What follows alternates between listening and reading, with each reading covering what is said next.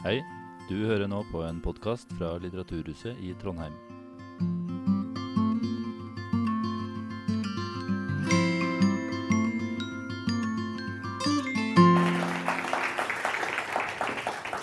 Hjertelig takk for eh, invitasjonen, og ekstra takk for at det går an endelig å møtes analogt og, og lineært og, og, fysisk etter måneder i digital ensomhet foran skjermen.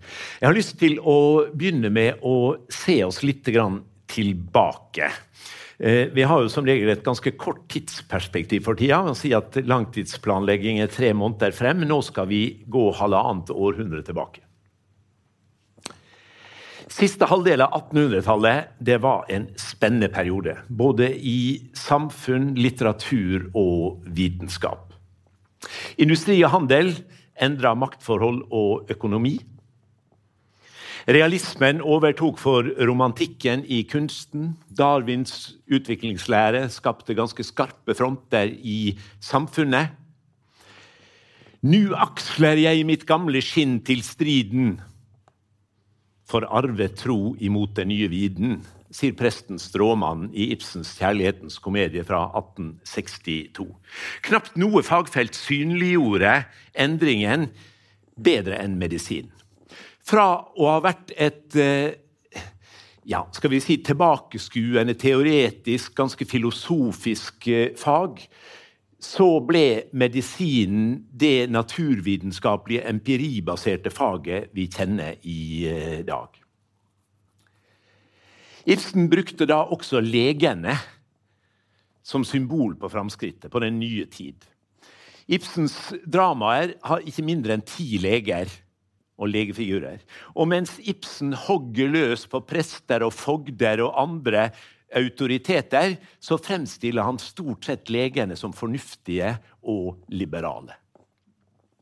Medisinen på 1800-tallet både avdekka nye trusler og skapte nye muligheter. La oss begynne med truslene først. Fredag 22. juli 1853 la postskipet Nordkapp Dampostskipet Nordkapp kom fra Helsingør i Danmark, som da var kjent for å ha kolera, la til brygga i Kristiania. En matros med diaré ble innlagt på Rikshospitalet i Kristiania og utskrevet egentlig frisk dagen derpå. Men den påfølgende mandag ble en kvinne som var innlagt i Rikshospitalet for operasjon for grå stær, syk og døde i løpet av et døgn. Og Få dager etterpå ble det nye tilfeller av diarésykdom på Rikshospitalet. Den 15. august 1853 ble Kristiania erklært offisielt smittet av kolera, og vi fikk den største koleraepidemien i Norges historie. Et forsiktig anslag viser at eh, Nesten en tredel av befolkningen bodde ca. 50 000 i Stor-Kristiania, eh, Aker Kristiania på den tida. Eh, 16 000 ble smitta. Av disse døde 1700. En letalitet på 11 eh, Hvis vi sammenligner det med Trondheim i dag, så ville det bety over en tremånedersperiode ville det bety 70 ekstra dødsfall hver dag i Trondheim. Tenk dere dødsannonsen i Adressa i, i en sånn periode. Lika hopa seg opp i Oslo. Man måtte etablere kolerakirkegårder. Det var høyst dramatisk.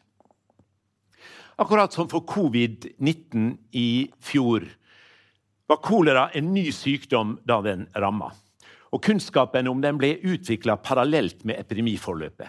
Og akkurat som i begynnelsen på, kolera, nei, på, på koronapandemien så var det uenighet om håndteringa av epidemien blant fagfolk. Da koleraepidemien oppstod, så var sykdomsårsaken ukjent. Spredningsmåten var uavklart. Epidemien inntraff på et tidspunkt altså midt på 1800-tallet, da det var sterke skal vi si, liberalistiske krefter sånn næringsmessig som prega samfunnet. Det påvirka hvilke tiltak som ble iverksatt. Smittevern og næringsinteresse kolliderte, akkurat som i dag. Bruken av karantene hadde jo vært kjent fra 1300-tallet, men det var omstridt fordi det hindra skipsfart og handel. naturligvis. Enda til noen leger så det nærmest som sin samfunnsplikt å sabotere karantene fordi det forårsaka arbeidsledighet, manglende mattilførsel, dyrtid og sult. Og et ønske om å unngå å skremme folk bidro til å legge mindre vekt på smittefaren. På den tiden var det egentlig tre herskende teorier for hvordan syk, slike sykdommer kunne spre seg. Det ene var den såkalte miasmeteorien. Man trodde at sykdom spredte seg pga. dunster fra jorda, vond lukt, gasser, altså usynlige ting. Den andre teorien den kalte vi eh, eh, kontiagonismen.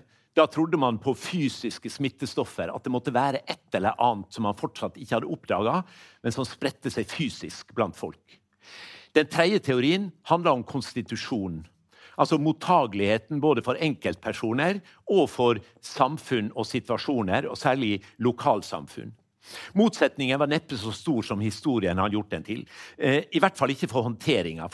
Hvis man gjorde noe for å bedre hygiene både i samfunnet, f.eks. ved å organisere søppeltømming og kloakker og sånn, eh, og hvis man bedrer den individuelle hygienen, altså i form av ernæring, renslighet og personlig hygiene, så ville alt hjelpe å redusere spredningen.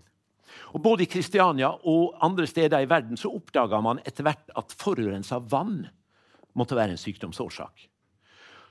Og På det tidspunktet var det på en måte at kontiagonismen, altså læren om de fysiske smittestoffer fikk sitt gjennombrudd. Lenge før noen spesifikk bakterie var identifisert. I virkeligheten var nok kolerabakterien identifisert av en italiener som aldri fikk æren for det, Pacini, i 1854. Men det var Robert Koch i 1884, altså 30 år seinere, som fikk æren for å finne eh, kolera. Men Vibrio-navnet har det fra italieneren eh, Pacini. Det var et eksempel på den nye tids trussel. De smittsomme sykdommer. Smittestoffene. Men tiden innebar også muligheter. Bedre økonomi og ikke minst bedre kommunikasjon skapte mange nye næringer på slutten av 1800-tallet. Da som nå kunne også medisin og kommers kombineres. Sammenhengen mellom helse og hygiene gjorde at ulike former for bad og bading ble populære.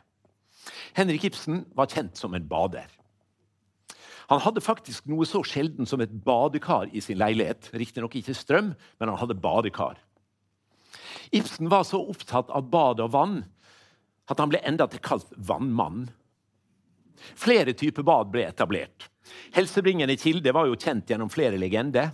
Kurstedet eh, St. Olavs bad på Modum ble grunnlagt i 1857 av legen Heinrich Taulov. Og Henrik Ibsen var blant de første gjestene der. Grefsen vannkuranstalt, Eidsvoll bad, andre eksempel. Legen Ingebrigt Holm han, han, var veldig sentral. Han fant det som senere fikk navnet Josefinekilden nede ved Farrisvannet i Larvik, og grunnla Larvik bad i 1880. I hovedstaden grunnla Kristiania bad. Eh, Voksenkollen sanatorium, Dr. Holms hotell kjenner vi fra Geilo. Alle disse stedene det var kursteder. Utviklinga av kurbader var påvirka veldig sterkt av engelsk og kontinentale både kulturstrømninger og, og motretninger. kan vi si. Altså. Eh, langs kysten fikk vi kystbadene. Spredte seg fra Sveriges vestkyst og oppover. Vi fikk Moss badeinnretning. Sandefjord kurbad er det skrevet veldig mye om. og Det ble grunnlagt veldig tidlig, altså allerede på 1830-tallet. I siste halvdel av 1800-åra var Drøbak kjent som en badeby. De grunnla jo Badeparken i Drøbak i 1870-åra. Eh, og, og eh, første badegjestene kom til Hurumlandet. I det hele tatt. I, i tillegg til liksom det behagelige ved bad og de generelt sånn helsestyrkende, så blir ulike badeformer også brukt som behandling. Til kurbader kom pasienter med mange forskjellige plager. Det var raumatiske plager, det var diffuse smerter, og en motesykdom på den tida det var nevrasteni. Nervesmaket. En slags uklar tilstand med tretthet og utmattelse. En veldig tidstypisk diagnose. Og Badeoppholda det hjalp. Et opphold varte jo gjerne i flere uker. Da var man borte fra jobb og hverdagsliv og levde sunt. og Det som vi i dag kan kalle badeturismen, vokste fram. Til glede og nytte ikke bare for gjestene, men også for lokalsamfunnet og kjøpmannsstanden. Begge disse skal vi si, medisinske innovasjonene Smittsomhetens fare, som jeg vil kalle det, og badeturismens muligheter, er ramme for Henrik Ibsens 'En folkefiende', som utkom i 1882. Her er min personlige første utgave, et klinodium i min, eh, min eh, bokhylle. Et eksemplar av førsteutgaven av 'En folkefiende'. Jeg vil gjette på at ikke alle som er helt fortrolig med handlingen. Vi tar den. Handlingen i stykket foregår i en kystby, som det står, i det sydlige Norge. Mange forbinder nok det med Skien, Ibsens hjemby. Hovedpersonen, Thomas Stockmann, han er badelege i byen. Og han har oppdaga noe forferdelig, nemlig at vannforsyninga til Kurbadet, som i parentes er avgjørende for byens økonomi, er forurensa. Sitat. I fjor inntraff her en del påfallende sykdomstilfeller blant badegjestene. Både tyføse og gastriske tilfeller sier dr. Stockmann i første akt. Den gang trodde vi at de fremmede hadde ført smitten med seg, men siden i vinter kom jeg på andre tanker, og så ga jeg meg til å undersøke vannet så godt det lot seg gjøre.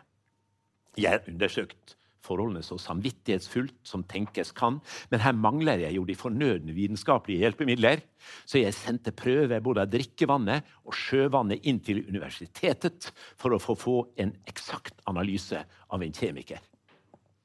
Det er påvist tilstedeværelsen av forråtnede organiske stoffer i vannet, infusorier i mengdevis.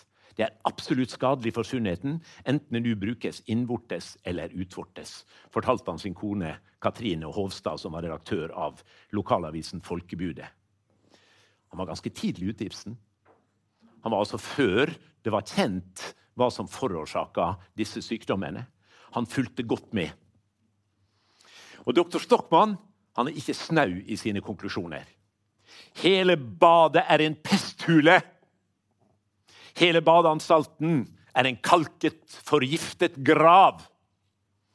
Kampen mot det forurensa vannet ble rett og slett dr. Stockmanns livsprosjekt. Dr. Stockmann skriver en firesiders tettskrevne fremstilling til badebestyrelsen, der hans eldre bror Peter Stockmann er formann. Peter Stockmann representerte autoritetene. Han var byfogd og politimester. Og I annen akt så møtes disse to brødrene. Den yngre Thomas og den eldre Peter. Merk dere navnene. Byfogden har konsultert statsingeniøren, som kunne fortelle at en omlegging av vannledningen ville koste flere hundre tusen kroner. Og det som verre var, badet måtte stenges i minst to år. Byfogdens eh, melding til sin yngre bror var krystallklar. Jeg har ikke av din avhandling kunnet overbevise meg om at vannforholdene ved badet er så betenkelige som du fremstiller dem. Jeg tror du overdriver betydelig. Byfogden ønska å legge lokk på saka, som vi ville kalt det i dag. Han ber doktorens brev ikke forelegges badedireksjon. Ingenting. Ikke et eneste ord må komme til offentlighetens kunnskap i dette fatale anliggendet sier Peter Stockmann til sin bror. Temperaturen mellom brødrene stiger. Doktor Stockmann lar seg ikke stanse så lett. Han viser til den frisinnede, uavhengige presse og beskrives av sin eldre bror som et urolig, stridbart, opprørsk sinn, hvorpå doktoren spør ja, men er det da ikke en statsborgers plikt å meddele seg til allmennheten når han har fanget en ny tanke? Byfogdens svar er evig aktuelt. Hør. Å, Allmennheten behøver slett ingen nye tanker. Allmennheten er best tjent med de gamle, gode, anerkjente tanker de allerede har. Petter Stockmann nærmest tvinger sin yngre bror til taushet, og han går enda lenger når han sier det tør forventes at du ved fornyede undersøkelser kommer til det resultatet at saken ikke på langt nær er så farlig og betenkelig som du i første øyeblikk innbilte deg. Han forlanger en second opinion. Og han fortsetter på en måte mange vil gjenkjenne i dag. Som underordnet tjenestemann ved badet har du ikke lov til å uttale noen overbevisning som står i strid med dine foresattes. Krangelen mellom brødrene avsluttes med at doktoren trues med avskjed. I fjerde akt holdes det berømte folkemøtet, og utfallet er sikkert kjent for oss alle. Doktor Stockmann dømmes til folkefiende og en trussel mot byen. Han må forlate møtet, og I femte og siste akt møter vi doktor Stockmann der han plukker steiner på sitt raserte arbeidsværelse. der folk har knust rutene. Altså, eh, en Folkefiende er jo nesten som en sitatsamling. Der er fantastiske sitater. ikke sant? I, i fjerde akt så snakker han om en normalt bygget sannhet varer la meg si, regelen 17-18, høyst 20 år, sjelden lenger. Og i, i femte akt så har han det, det, nydelige bildet om at en skulle aldri ha sine beste bukser på når en er ute og strider for frihet og sannhet. Pasientene svikter han. Han får avskjed som badelege. Datteren Petra mista sin lærerstilling, og familien blir kasta ut av leiligheten. Men istedenfor å flykte erkjenner doktor Stockmann hvor dårlig det står til med den frie ånden i byen. Han bestemmer seg for å bli. Han vil starte opp skole og lete etter tolv elever, apostler, som han kan lære opp i henhold til sine idealer. En folkefiende avsluttes av doktor Stockmann med hele sin familie omkring seg. Mange av dere vil ha sett oppsettinga på scenen. Men den mest kjente replikken i hele stykket Doktor Stockmann forteller saken er den, ser i, at den sterkeste mann i verden, det er han som står mest alene. Men vannforsyningen til badet den var uendra. Vannet var like forurensa i femte akt som i begynnelsen av første akt. En folkefiende kan leses på mange vis, og det har også blitt gjort. Ibsens egenvurdering av stykket finner vi i brevet til forleggeren han sendte til Fredrik Hegel i København. Eh, jeg er ennå i noen uvisshet om jeg skal kalle stykket et lystspill eller et skuespill. Det har meget av lystspillets karakter ved seg, men også en alvorligere grunntanke. Jeg finner jo at det er ganske mye humor i mange av disse formuleringene. I sin anmeldelse i 1882 Dette kom jo like etter gjengangere. Vi har ikke tid liksom, til å gå inn på Ibsens nå, eh, dramaer, men han har altså eh, skrevet et dukkehjem, og, og, og, den forrige var 'Gjengangere', som ble kritisert. Det var også mye medisin ikke sant? og, og syfilis og, medisinske tilstander. Men eh, Arne Garborg han karakteriserte stykket som en parabel, en lignelse. Doktor Stockmann er en profet, og kystbyen er samfunnet, skrev Garborg. Jeg tror vi må se stykket på bakgrunn av eh, den politiske situasjonen i Norge og i Europa på slutten av 1800-tallet, med parlamentarismens gjennombrudd. Mens det hittil hadde vært kan vi si, eliten som hadde makta, så ble det nå plutselig et skifte. Nå var det flertallet som rådde. Dr. Stockmanns tale i folkemøtet i fjerde akt kan på sett og vis leses nesten som et angrep på folkestyre og demokrati. Dr. Stockmann spør hvilke forutsetninger folkets brede lag har for å treffe beslutninger. Den kompakte majoritet har aldri rett selv om den har makt. På sett og vis representerer dr. Stockmann en slags eh, aristokratisk anarkisme. Enkeltmennesket er viktigere enn kollektivet. Stockmann gjorde flere oppdagelser. Det med forurensa vann var liksom bare den første. Han oppdaga senere at langt mer enn vannsystemet var et forurensningsproblem i samfunnet. Han oppdaga autoritetenes umåtelige dumhet. Og i sin tale, som han jo ble stoppa, han fikk ikke snakke om vann i det hele han ble nedstemt, der ville han tale om den store oppdagelse jeg har gjort i disse dager. Den oppdagelse at alle våre åndelige livskilder er forgiftede, og at hele vårt borgersamfunn hviler på løgnens pestsvagne grunn. Han gjorde seg nok egentlig ikke til talsmann for minoritetens rett til å herske over massene. Jeg siterer her litteraturprofessor Bjørn Hemmer i boka om Ibsen som kom for snart 20 år siden. Stockmann har bevart sitt demokratiske sinnelag. Det er dumheten som må bekjempes. Folket skal løftes gjennom opplysning, gjennom opplæring av de tolv apostlene. Det er kunnskap som gjelder.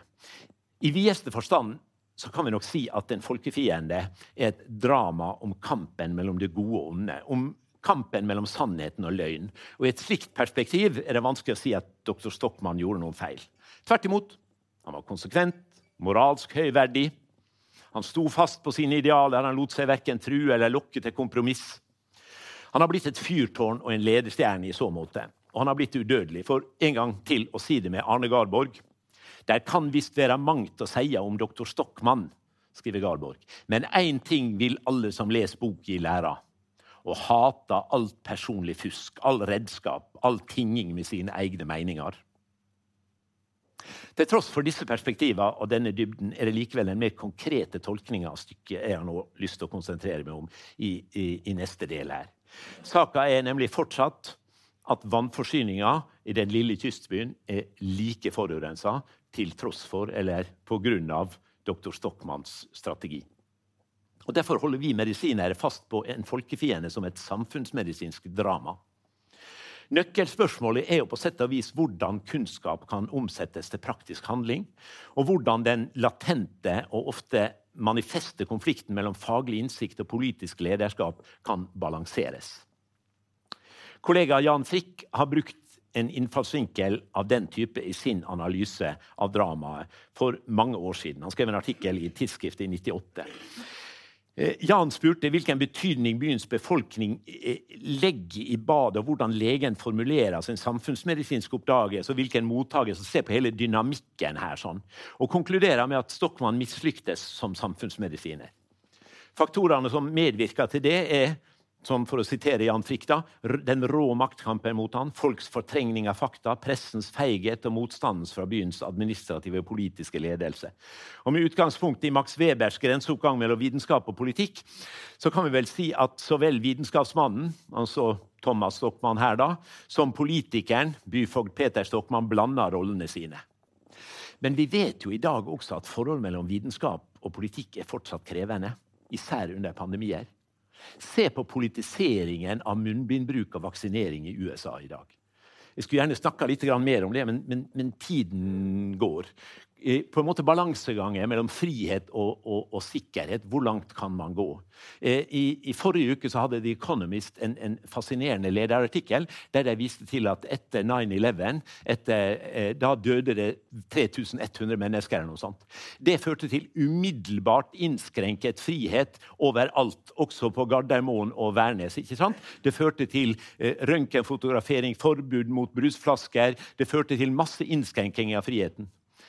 I det siste året har det i USA dødd 3000 mennesker hver dag. Og Likevel har det vært umulig å gjennomføre munnbindbruk og vaksinering av befolkningen. Det, det er ganske fascinerende hvordan eh, ulike settinger, ulike trusler, vurderes på forskjellig vis. Men vi må tilbake til eh, en folkefiende og doktor Stockmann. Doktor Stockmann er faktisk, jeg tror sammen med distriktslege Wangel i 'Fruen fra havet' den av Ibsens legeskikler som er gitt ei hovedrolle som Hans Jakob Ustvedt, som mange vil huske som kringkastingssjef. Han var egentlig professor i indremedisin ved Rikshospitalet før det. Eh, han, eh, Ustvedt skriver et sted at den eneste av Ibsens store legeskikkelser som lyser mot oss med virkelig varme, er doktor Stokmann. Doktor Stokmann og Henrik Ibsen var åpenbart beslekta. Og det er grunn til å tro at forfatteren har skrevet mye av seg sjøl inn i rollen. I følgebrevet til det renskrevne manus så skrev Ibsen til sin forlegger at sitat, Doktor Stockmann og jeg kom så fortreffelig ut av det med hverandre. Vi er så enige i mange stykker. Sitat slutt. Hovedpersonens navn er selvfølgelig knytta til Stokmanngården i Skien, der Henrik Ibsen ble født. Ibsen var født i Stokmanngården i Skien. Han var doktor blitt i Uppsala. Han kalte seg jo doktor Ibsen han var veldig stolt over det. Så navnet på hovedpersonen peker rett på han, skriver psykiateren Arne Duve, som har lagd en gjennomgang av symbolikken i Henrik Ibsens skuespill. Flere reelle, sånne reelle personer eh, virkelige personer angis som mulige modeller for dr. Stockmann. Det er et foredrag i seg sjøl som jeg ikke har tid til å gå inn på her. Men det gjelder både leger og andre i, i samfunnet. Men som rollefigur så er jo dr. Stockmann både tretydig og kontroversiell. Jeg beundrer hans faglige kunnskap og skjønn og hans integritet, skriver den legendariske statsfysikus i Oslo, Fredrik Melby. Men hans personlighet har jeg i hvert fall periodevis lite til overs for. Selvhevdende, pompøs, hensynsløs, sta som en bukk. Han Dr. Stockmann har en selvfølelse som grenser til det parodiske og en selvtillit som ligger i underkant av det patologiske, skriver kollega Herman eh, Anker. Hvor mye man enn sympatiserer med Stockmann i denne konflikten, kan man vanskelig la være å spørre seg hvor meget mer ville han ikke ha faktisk oppnådd ved en annen og mer taktfull fremgangsmåte. Jeg må si, For min egen del så oppfatter jeg dr. Stockmann som en godtroende og prinsippfast mann, som sagt med mye humor. Han sier f.eks. et sted til sin hustru 'Jeg tjener nesten like så meget som vi bruker'. Han får de fleste av oss til å identifisere oss med han. Altså, stykket er jo fullt av ironi. Fra tittelen til sluttreplikken. Tenk bare på de bibelske navnene. Tvileren Thomas og klippen Peter. På mange måter kan vi si at dr. Stockmann ofra resultatene for sine prinsipp. Han var en dårlig strateg, en skrøpelig pedagog. Han klarte ikke å formidle funnene sine på en måte som ble forstått. Han gikk dessuten for lenge alene med sine mistanker uten å involvere andre. Han informerte verken sine overordna eller andre før langt ut i forløpet av saka. Da skulle han liksom slippe bomben, og holdt det hemmelig til da. Han bygde ingen allianser. Noe som er avgjørende i alt folkehelsearbeid, der enkeltpersoner sjelden kan gjøre noe alene. Han var velmenende, men naiv. Og han undervurderte, ja, han var nærmest blind for motkreftene. Hans taktiske evne var nærmest fraværende, og han var definitivt ikke pragmatisk. Han var modig, kanskje overmodig. Redaktør Hovstad i Folkebudet karakteriserte han som en mann hvis eneste, i hvert fall vesentligste feil, er at han spør sitt hjerte mer enn sitt hode. Nå vil jo jeg si at det finnes verre feil enn det hos et menneske. Men en, en feil som det veldig lett å enes om, er en sviktende evne til å levere. Han endte opp uten å ha forbedra vannforsyninga overhodet. Er det noen av dere som husker filmen 'Mitt liv som hund'? Den lille Ingemar. Man måtte jamføre, altså Ingmar. Tenk på Laika der oppe i rommet. Når barnebarna mine spør farfar, er 14 mye, så må jeg svare at hvis det er barn i en søskenflokk, så er det veldig mye. Hvis det er kroner på konto, er det veldig lite. Men det er ikke bare tall som må sammenlignes for å gi mening. Det må også personer i situasjoner. De må inn i en kontekst. Og doktor Stockmanns litterære helsestatus den hviler langt på vei på at hans motparter, spesielt broren, fremstilles som uforklarlig jeg vil nesten si dum, ondskapsfull, nesten karikert. Og flere av personene her avindividualiseres på sett og vis. F.eks. Aslaksen, som vi jo møter i flere dramaer, som her hele tiden snakker på vegne av vi huseiere. Kollega Herman Anker man skal alltid sitere sine kilder og, og, og, og dele hvor man har det fra. Eh, Herman han påpeker at det ikke er doktor Stockmanns storhet som er det påtagelige i en folkefiende, men at det er andre, doktorens motparter, som er så små og ynkelige at Stockmann på denne bakgrunnen tar seg stor ut. Han får relative dimensjoner. En måte å forstå Stockmann og hans manglende suksess på kan altså være å sammenligne med en annen. Da er det kanskje naturlig å sammenligne med en som i en mer eller mindre tilsvarende situasjon lykkes, i motsetning til doktor Stockmann. Og jeg har en mistanke Trond, at noe av grunnen til at jeg blir invitert her, er at jeg for 20 år siden eller noe sånt, skrev en artikkel der jeg nettopp gjorde det. Jeg sammenligna den fiktive eh, figuren Thomas Stockermann med en av samfunnsmedisinens virkelig internasjonale helter, nemlig den engelske legen John Snow som levde fra 1813 til 1858. og Flere kolleger nikker kjent uh, her, Geir. Uh, han ble berømt pga. sin innsats under koleraepidemien i London på 1850-tallet. Hvem var John Snow? Jo, akkurat som eh, dr. Stockmann så arbeidet han bakteriologien, før bakteriologiens gjennombrudd. Han var visjonær. Akkurat som Stockmann så kjempa han mot forurensa vann men i motsetning til Stockmann så kunne John Snow vise til resultat. Det morsomme er at John Snow kom til storbyen nordfra, akkurat som dr. Stockmann. John Snow kom fra York til London. Han starta en bemerkelsesverdig medisinsk karriere som 23-åring. I oktober 1838 etablerte han seg som allmennlege i London.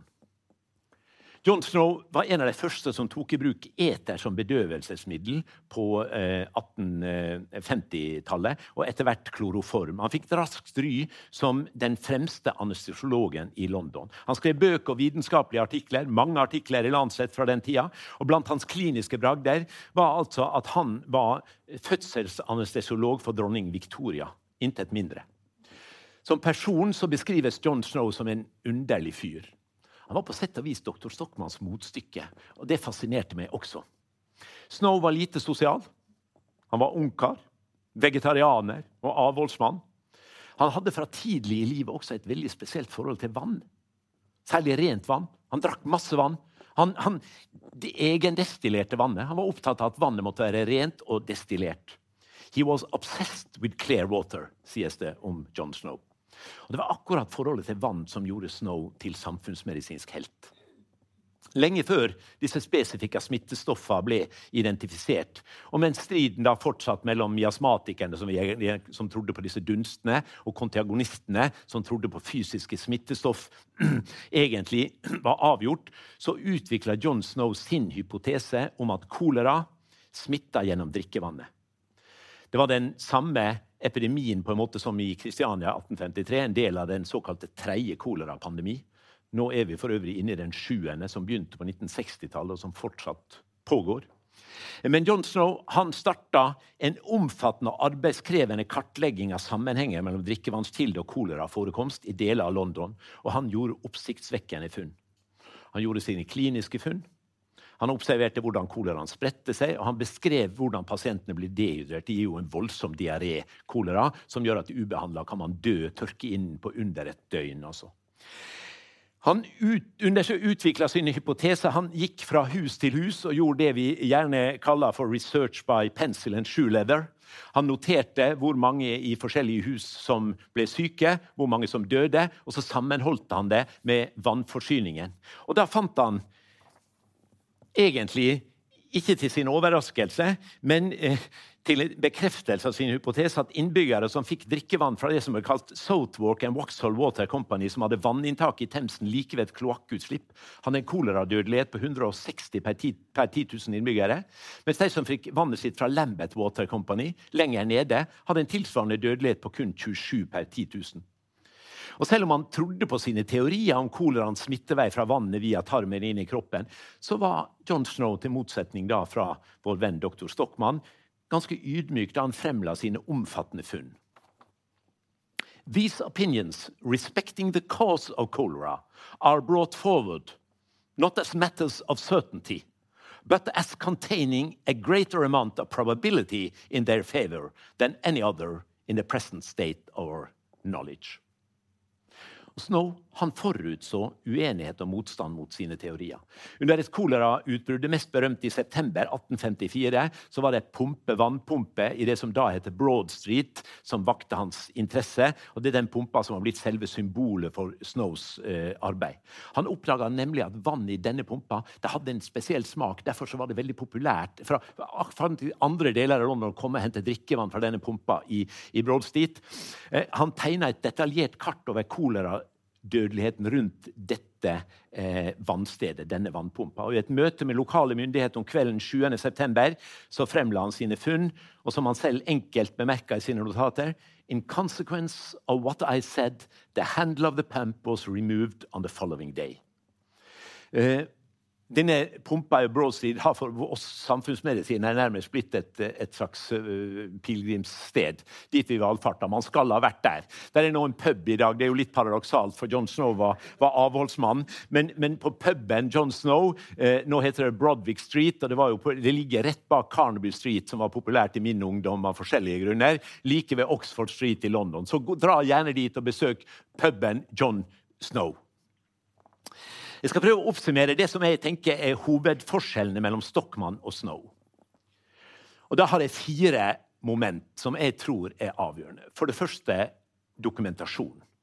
Dokumentasjonen hos Stockmann var relativt dårlig. Kausalitet, altså årsakssammenhenger i medisin, er vanskelig å, å bevise. Eh, og det å sende en prøve av vannet til en kjemiker som finner infusorier, og sammenholde det med noen sykdomstilfeller i fjor sommer, det er for svakt. John Snow han publiserte sine funn i vitenskapelige tidsskrift der han lot alle data være åpne for både supportere og kritikere. Det morsomme er at En av de fremste kritikerne hans det var presten Henry Whitehead, som ikke trodde noe særlig på det. Han var, men, men, han gjennomførte det samme, egentlig gikk rundt og gjorde undersøkelser og bekrefta Snows funn fra punkt til punkt. Og ble en ivrig supporter av Snow etter hvert. Viktigere tror jeg kanskje enn dokumentasjon var at skråsikkerheten var for stor skal sitere fra Per Gynta, siden vi er inne i Ibsen. I møte med Anitra så sier Per sannhet i sin overdrift er en omvendt visdomsskrift. Det var ingen ydmykhet eller tvil å spore hos Stockmann. Et gammelt eh, ord som jeg lærte av min far, husker jeg. Ha respekt for den som søker sannheten. Vær skeptisk til den som har funnet den. Det er vanskelig å vite hvor sikker man skal være i vitenskapelige konklusjoner. Men i all forskning så må vi alltid og etter hvert ha et avsnitt som heter 'strengths and, and weaknesses'. Altså styrker og svakheter ved våre metoder. Det tredje punktet det var at løsningsorienteringen var fraværende. Dr. Stockmann brydde seg relativt lite om de praktiske sidene ved løsningen. Hele vannledningen må legges om, sa han. Det var liksom ingen proporsjonalitet i det. Han klarte ikke å definere og formulere et mål som andre kunne slutte seg til. Dr. Snow han var pragmatiker. Og I tråd med den britiske hygienebevegelsens beste prinsipp så påpekte han en tredje vei, da man verken krevde totale endringer av alt eller lot ting være som de var. Men han fant praktiske løsninger. Og det fjerde naiviteten dominerte hos Stockmann. Han var ingen strateg. Han forutså rett og slett ikke uenighet, og han var uforberedt på motstand. Hvor gyldig er doktor Stockmanns mest kjente utsagn? Er det virkelig slik at jo mer alene vi står, jo sterkere er vi? Jeg ser på det som ironi. Det er et afrikansk ordtak som sier skal du gå raskt, gå alene. Skal du gå langt, bør du gå sammen med andre. Hvis du skal oppnå noe, så må du på de fleste områder gå langt. Og I den grad styrke handler om evne til å få noe gjort og kraft til å sette ideer ut i livet, så er det i hvert fall åpenbart feil, etter min mening. Når doktor Stockmann ikke klarte å få gjort noe med det forurensa vannet i denne kystbyen i det sørlige Norge, så skyldtes jo det nettopp at han ble stående alene, uten allianser, uten forståelse for motkreftene, som alltid mobiliseres når noe skal endres. Er det noe jeg har lært gjennom eh, 40 år nå i, i, offentlig forvaltning? Jeg har jobba i, i departement og direktorat og Folkehelseinstitutt og Helsedirektorat. Og, og, og, og, det jeg har lært Vil du vite hvorfor ting er som de er? Prøv å forandre dem. Det som er, er, er sikkert, det er at, at, at hvis man skal få oppnå noe det kan, det kan, være riktig at man av og til må ta kraftig oppgjør med det som Stokman kaller aldersegne sannheter, som han er, som han skriver, er at ligner med fjordgammel spekemat. Av ideologiske grunner kan det være nødvendig å markere avstand til andre. Iblant til alle andre, for den del. Og, og Dr. Stockmann må berømmes for sitt mot på det området. Men det kan selvfølgelig ikke være noe mål å bli stående alene. Fellesnevneren for alle som har oppnådd resultat, er enten at de har fått flere med på laget, eller at de på en eller annen måte har klart å overbevise og mobilisere de mange. Blir man alene i lang tid, blir man isolert og utretta lite til sist. Leses en folkefiende som et rent symbolsk verk, ja, så er det selvfølgelig vanskelig å hevde at doktoren gjorde noe feil. Han har det til felles vil jeg si, da, med både ledestjerner og fyrtårn at vi skal navigere etter dem, ikke å forsøke å nå dem. Men som samfunnsmedisiner så står det sørgelige faktum fast at Vannet var altså fortsatt, for tredje gang må jeg gjenta det, like mye, eventuelt like lite, det vet vi lite om, forurensa ved slutten av femte som ved begynnelsen av første akt. Det som er sikkert, derimot, det er at 140 år etterpå så er doktor Stockmann fortsatt en person som engasjerer oss i dag. Og lesing av en folkefiende får oss til å undre oss over hva denne mangfoldige personen egentlig vil fortelle oss, og til å ende opp med langt flere spørsmål enn svar. Så la meg derfor slutte med å gjøre selveste Henrik Ibsens ord i et rimbrev til mine egne. Krev ei venn at jeg skal gåten klare. Jeg spørger helst. Mitt kall er ei at svare.